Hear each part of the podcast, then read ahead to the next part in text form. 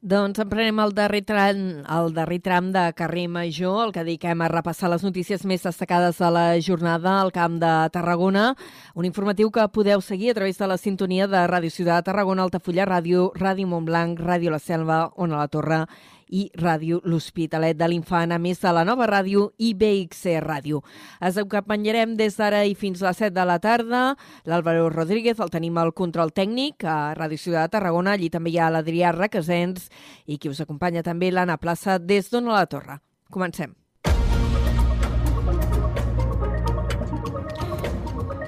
I avui obrim l'informatiu parlant de sinistralitat laboral, fent balanç. Tarragona és la demarcació on més s'han incrementat els accidents de treball durant el 2022. Se n'han registrat un centenar. Adrià, bona tarda.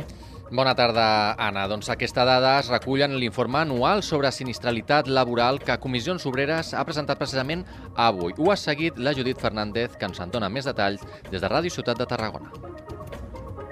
Aquest dimarts s'ha presentat un informe de comissions obreres sobre els accidents laborals. L'informe assegura que el 2022 s'han notificat un increment d'accidents tant a la jornada laboral com amb els desplaçaments al lloc de treball. Tarragona és la província catalana que més augment en accidents de treball presenta, destacant els sectors de la indústria i la construcció. En aquest marc comptabilitzen un total de 49 accidents greus, 14 dels quals van ser mortals. Durant els desplaçaments a la feina s'han notificat 1.244 accidents, 5 dels quals també van ser mortals. Mònica Pérez, responsable de Salut Laboral de Comissions Obreres de Catalunya, lamenta la normalització normalització en els accidents laborals.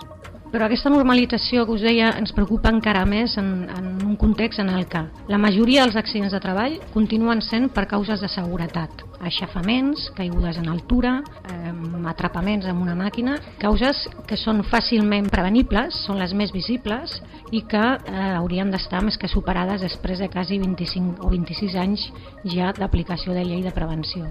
Des de comissions obreres comenten que les malalties professionals han disminuït en el nombre de casos i assenyalen a les mútues com a responsables de no notificar-los. A més, denuncien la manca d'inversió en activitats preventives. Moltes gràcies, Judit. I avui també ens fem ressò d'una important operació policial al nostre territori. Els Mossos d'Esquadra han detingut quatre persones i han comissat més de 7.000 plantes de marihuana en un operatiu policial a Constantí.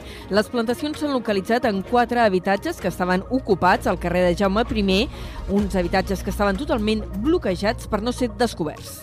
Aquestes presentaven un alt risc d'incendis per les connexions elèctriques il·lícites i sobrecarregades. Aquesta intervenció és el resultat de la segona fase d'una investigació que el passat mes de novembre ja va permetre incautar 2.000 plantes. Llavors no es va poder detenir ningú i la banda va reprendre l'activitat en un altre indret. Els escorcolls a les cases de Constantí, autoritzades pel jutge, es van fer ahir dilluns i van intervenir agents de la unitat d'investigació dels Mossos i també membres dels ARRO. Les quatre entrades es van fer de manera simultània. De moment s'han detingut quatre persones, però la policia no descarta més detencions. Abordem altres qüestions. Els hospitals Joan 23 de Tarragona i el Sant Joan de Reus participaran en una prova pilot de detecció precoç de càncer de pulmó en fumadors i exfumadors. El projecte s'anomena Cassandra i es posarà en marxa aquest mes de juny. L'ha impulsat la Societat Espanyola de Pneumologia i Cirurgia Toràcica i compta amb el suport del Ministeri de Sanitat. Al conjunt de l'Estat s'hi han adherit 38 hospitals, 9 d'ells a Catalunya. Entre aquests hi ha el Joan 23 i el de Sant Joan de Reus. Entre els centres adherits també hi ha el Clínic i la Vall d'Hebron de Barcelona. Aquesta prova pilot està pensada per consolidar els tests per detectar de manera precoç els tumors que provoquen aquest càncer de pulmó. Per fer-ho, a partir de juny començarà el cribat cribatge es faran tacs a persones d'entre 50 i 75 anys que siguin fumadores o que hagin deixat de ser-ho en els darrers 15 anys. I parlem ara de la sequera i de mesures per intentar pal·liar els seus efectes en el, segur, en el sector primari. Hisenda rebaixa almenys un 25% l'IRPF a agricultors i ramaders per pal·liar les conseqüències de la sequera i també de la guerra a Ucraïna. L'ordre s'ha publicat ja avui al butlletí oficial de l'Estat i detalla que es podran acollir a aquesta bonificació els pagesos i ramaders que tributin pel sistema de mòduls. El text també inclou reduccions específiques per als sectors en situació més vulnerable i persones geogràfiques. En alguns casos, les bonificacions arriben al 50% de l'impost de la renda. Entre els sectors considerats més vulnerables hi ha el de l'olivera. El govern espanyol calcula que uns 49.000 productors catalans es beneficiaran d'aquests descomptes.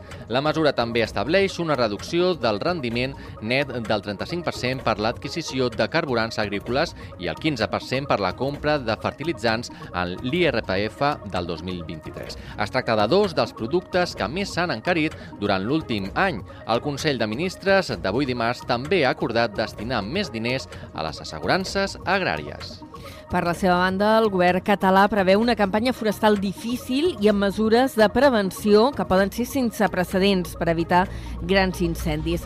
Ho han afirmat tant la consellera d'Acció Climàtica, Teresa Jordà, com el d'Interior, Joan Ignasi Helena, que avui han comparegut al Parlament. Jordà ha manifestat que s'haurà d'estar preparat per adoptar mesures eh, de prevenció sense precedents, també per la seva durada i extensió territorial. L'objectiu serà evitar grans incendis forestals de més de 500 hectàrees i molt virulents. Per tot plegat, el foc és i serà un element cada vegada més present a casa nostra i caldrà doncs, estar preparat per la presa de mesures de prevenció sense precedents, ja sigui per la pròpia naturalesa de la mesura, per la seva durada en el temps o per la seva extensió en el territori, vaja, o val dir també, o per tota l'hora. La situació es preveu complicada a tot el país, però especialment al litoral i al prelitoral de Girona i de Barcelona i també de la Catalunya central. El Servei Meteorològic de Catalunya alerta, d'altra banda, que la temperatura de l'aigua del mar ha augmentat gairebé un grau i mig des dels anys 70 fins a l'actualitat a Catalunya.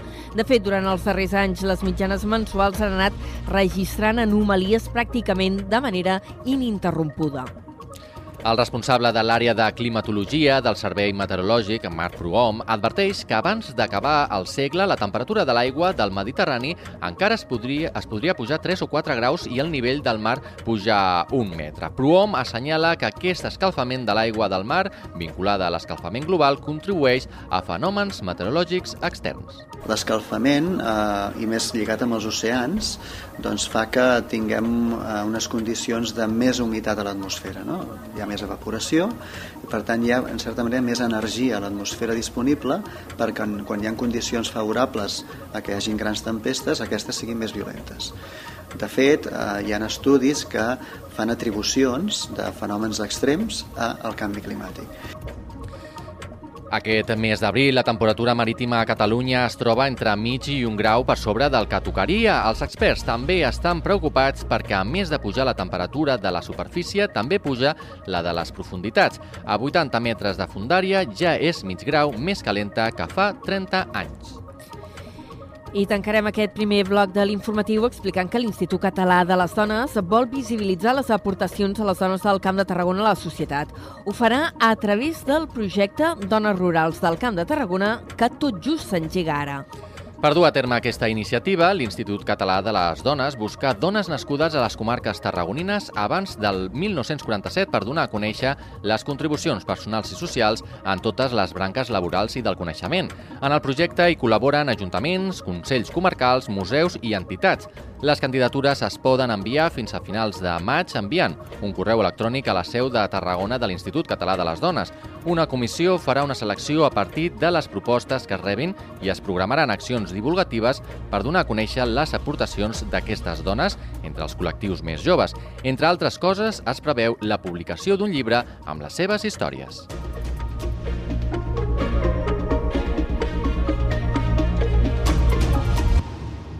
6 i 40 minuts, seguim endavant en crònica local. El Partit dels Socialistes de Tarragona proposa un nou sistema de neteja i manteniment basat, diuen, en un treball a fons fet per zones.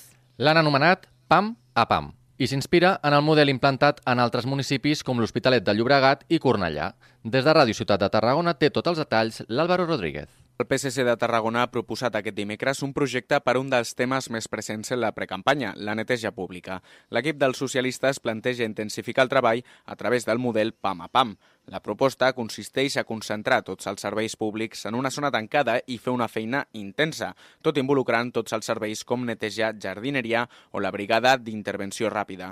Aquest model ja ha estat implementat a altres poblacions com l'Hospitalet de Llobregat i Cornellà. Rubén Viñuales, líder dels socialistes, expressa que aquesta proposta va més enllà del contracte de la neteja i permetria mantenir un sector en perfectes condicions durant una setmana sense ampliar recursos. Que tota una zona de la ciutat estarà en perfectes condicions durant una setmana. Òbviament després el manteniment, però focalitzem els esforços i no gastem més, perquè són els mateixos serveis de jardineria, de neteja, de la brigada, per pintar els, eh, els passos de vianants, etc etc. La neteja estarà al centre del ple de divendres a la ciutat on el govern municipal vol aprovar una nova licitació de la contracta. Els socialistes s'oposaran i consideren que és una feina irresponsable i de darrera hora. Com sentíem, la nova licitació del contracte de la brossa serà el tema central del ple d'aquest divendres a Tarragona. Segons ha informat avui l'Ajuntament, el nou ple de clàusules manté la filosofia del contracte eh, de finals eh, de l'any passat amb canvis econòmics per poder fer front a la inflació i increment de preus. Recordem que l'últim concurs va quedar desert. Arran d'això, l'Ajuntament va fer una consulta de mercat i ha introduït canvis en la licitació bàsicament relacionats amb els preus. A més, s'allarga la vigència del contracte a 10 anys anys, en comptes de 9, i el servei de platges s'ha ajuntat al de neteja general per optimitzar recursos. Així, el contracte es licitarà en dos lots si prospera en el ple d'aquest mateix divendres. El primer lot, amb un import de 20,8 milions de l'any, engloba la neteja viària, de solars i de platges. El segon lot, dotat amb 500.000 euros l'any, correspon al servei de deixalleria. En conjunt, i tenint en compte que el contracte serà per 10 anys, el preu base de licitació supera els 214 milions d'euros. S'ha S'ha de tenir en compte que el contracte actual, que té uns 20 anys, acaba aquest 28 d'abril. Com que es tracta d'un servei bàsic de competència municipal, es continuarà realitzant en règim de continuïtat fins que s'esculli la nova empresa. Més eh, qüestions d'àmbit local. La modificació puntual del Pla General de Torredembarra que es va aprovar dijous passat permetrà crear els accessos al futur centre d'atenció primària del municipi. D'aquesta manera, des de l'Ajuntament es fa un pas important en el projecte d'urbanització de l'entorn de l'equipament abans que el Departament de Salut comenci la seva construcció. Des d'on a la Torre ens informa en Josep Sánchez. Aquesta és una de les diverses modificacions que es van aprovar al ple ordinari del mes d'abril com a qüestió sobrevinguda. Es tractava d'una correcció gràfica del sistema de l'entorn del cementiri per poder edificar equipaments. Segons ha explicat l'alcalde Eduard Rovira, el que s'ha fet és permutar un espai catalogat com a zona verda per un altre per tal de permetre construir el vial d'accés al futur CAP. Si una zona d'equipaments no té sortida directa a zona pública, ai, a via pública, a via pública, eh, no es pot considerar un solar i si no es considera un solar no es pot edificar. Per tant, fem una modificació i corregim i permutem una zona verda, la posem en un lloc i davant de la zona d'equipaments i posem un vial. Amb la urbanització de l'entorn del CAP es vol crear una zona de passeig més amable on ara hi ha el tram de la carretera de la Riera que va de l'aparcament de Manyer i Flaquí al cementiri. També es preveu la construcció d'una rotonda que connecti la zona esportiva i el polígon de les Roques Planes. Seguim en àmbit eh, municipal i a la zona del Baix Gaià, ara per explicar, per fer la crònica de l'últim ple ordinari del mandat que es va celebrar ahir al vespre a l'Ajuntament d'Altafulla i en què es va evidenciar un consens absolut. El debat girava entorn a diversos punts de tràmit, com les ajudes humanitàries del consistori o la modificació de la relació de llocs de treball per a la plaça de Caporal. Des d'Altafulla Ràdio ens en dona més detalls la Carol Cubota. Aquesta és una de les diverses modificacions que... L'Ajuntament d'Altafulla ha celebrat l'últim ple ordinari del mandat, que s'ha saldat amb un consens total per part dels grups amb un ordre del dia que ha aprovat tots els punts per unanimitat. Qüestions merament de tràmit, com el procediment per atorgar ajudes humanitàries, la modificació de l'RLT pel que fa a la policia local o el projecte amb caràcter inicial d'una bassa per evitar inundacions al barri marítim. La corporació, a més, ha anomenat oficialment el veí Joan Vives i Milà com a fill predilecte d'Altafulla. Montse Casternau és l'alcaldessa.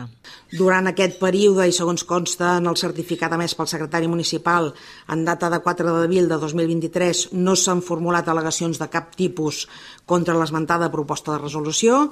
És per això que s'arriba a aquests acords. Aprovar definitivament ja el nomenament del senyor Joan Vives Milà com fill predilecte del municipi d'Altafulla per majoria absoluta També ha prosperat una moció perquè els centres educatius incorporen personal format per atendre i acompanyar els alumnes afectats per la diabetis mellitus tipus 1 i una altra en favor que TAC 12 organitzi un debat electoral durant la campanya de les municipals.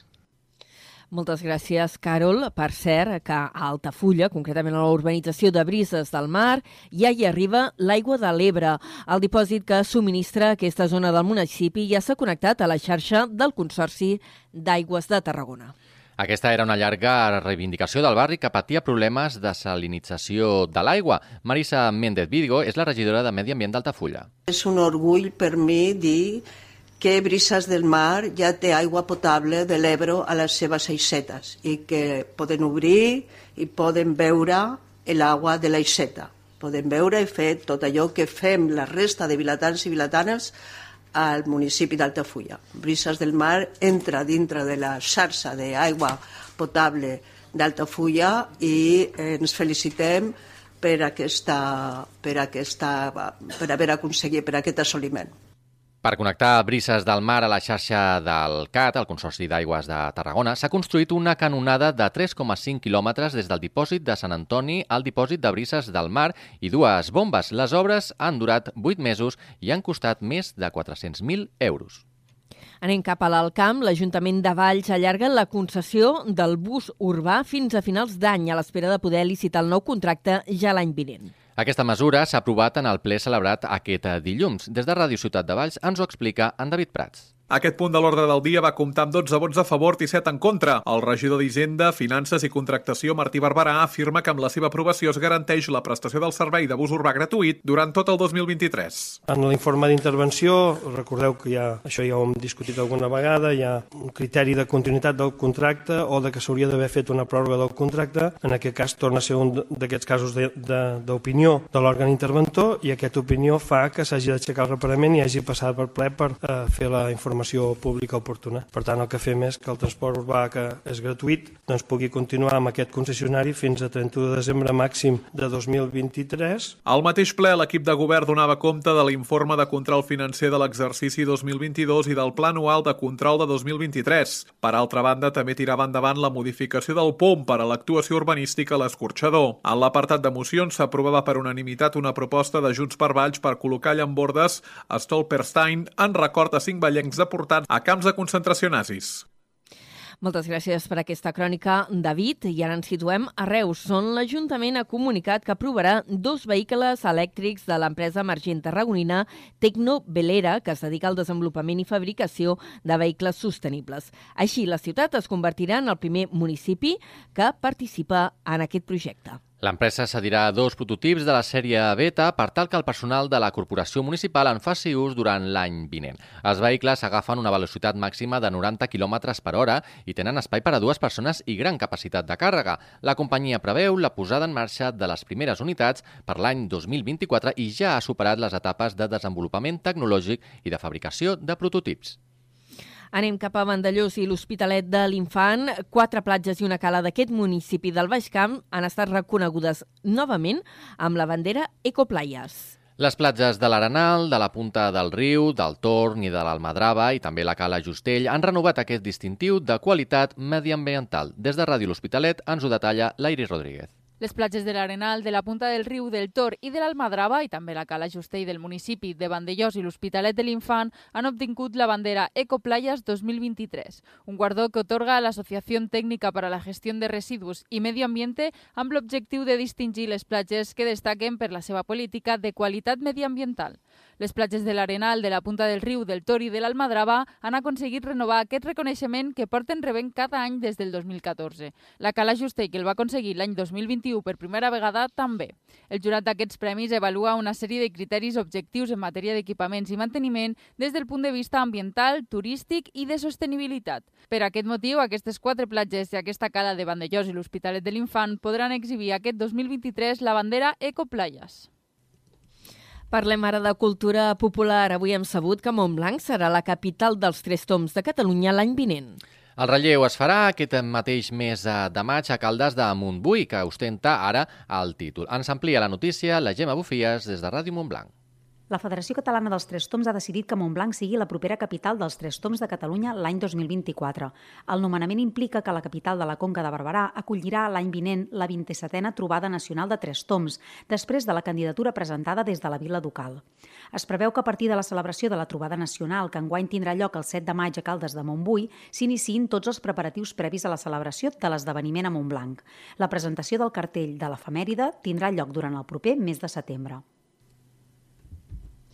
Moltes gràcies, uh, moltes gràcies, Gemma. Per cert, seguim a Montblanc perquè encara no s'ha localitzat el cavall blanc que va fugir corrents després de caure diumenge.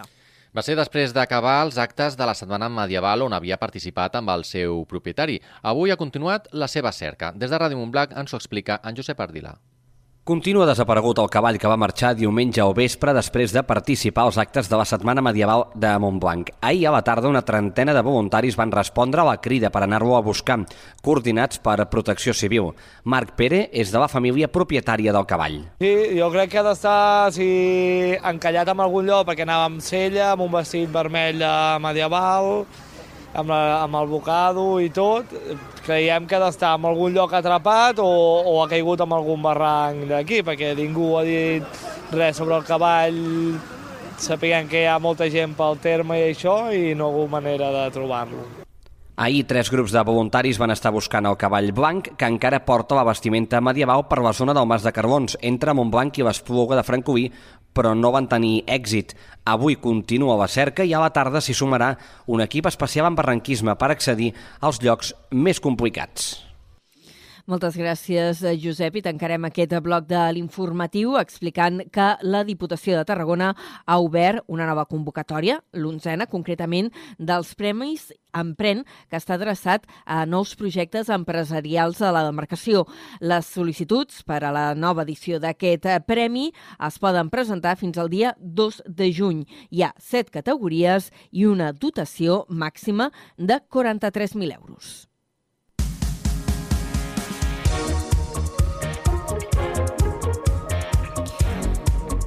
I en esports, avui destaquem que el Club Bàsquet Tarragona, el CBT, jugarà a la fase d'encens a l'Alep Plata. Ho ha fet possible la renúncia del Barça B. La Federació Espanyola de Bàsquet ja ho ha confirmat, segons ha avançat TAC12. Així, els blaus jugaran la fase d'ascens de d'11 al 14 de maig i sense passar per la fase prèvia, un dret que ha heretat de la filial blaugrana. En cas d'acabar-se confirmant per la Federació Espanyola, el CBT jugarà contra el Logroño, el Sucuellanos i el Pinar de Màlaga. La seu encara està per definir. I parlem d'una iniciativa solidària, el Swim for Ella, que aquest cap de setmana, aquest dissabte 29 d'abril, arribarà a Cambrils eh, per segona edició.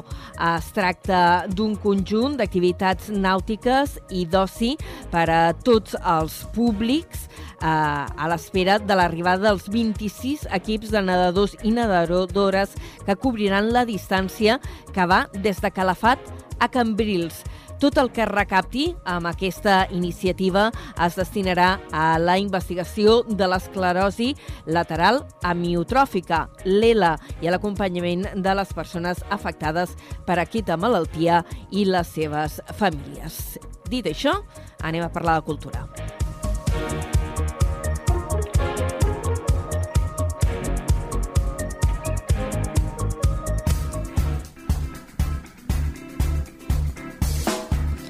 Avui destaquem un nom, el de la tarragonina Joana Costas Benaixes, que rebrà la Creu de Sant Jordi. El govern català ha anunciat avui que la reconeix per ser un excepcional exponent de la vida marinera al port del Serrallo.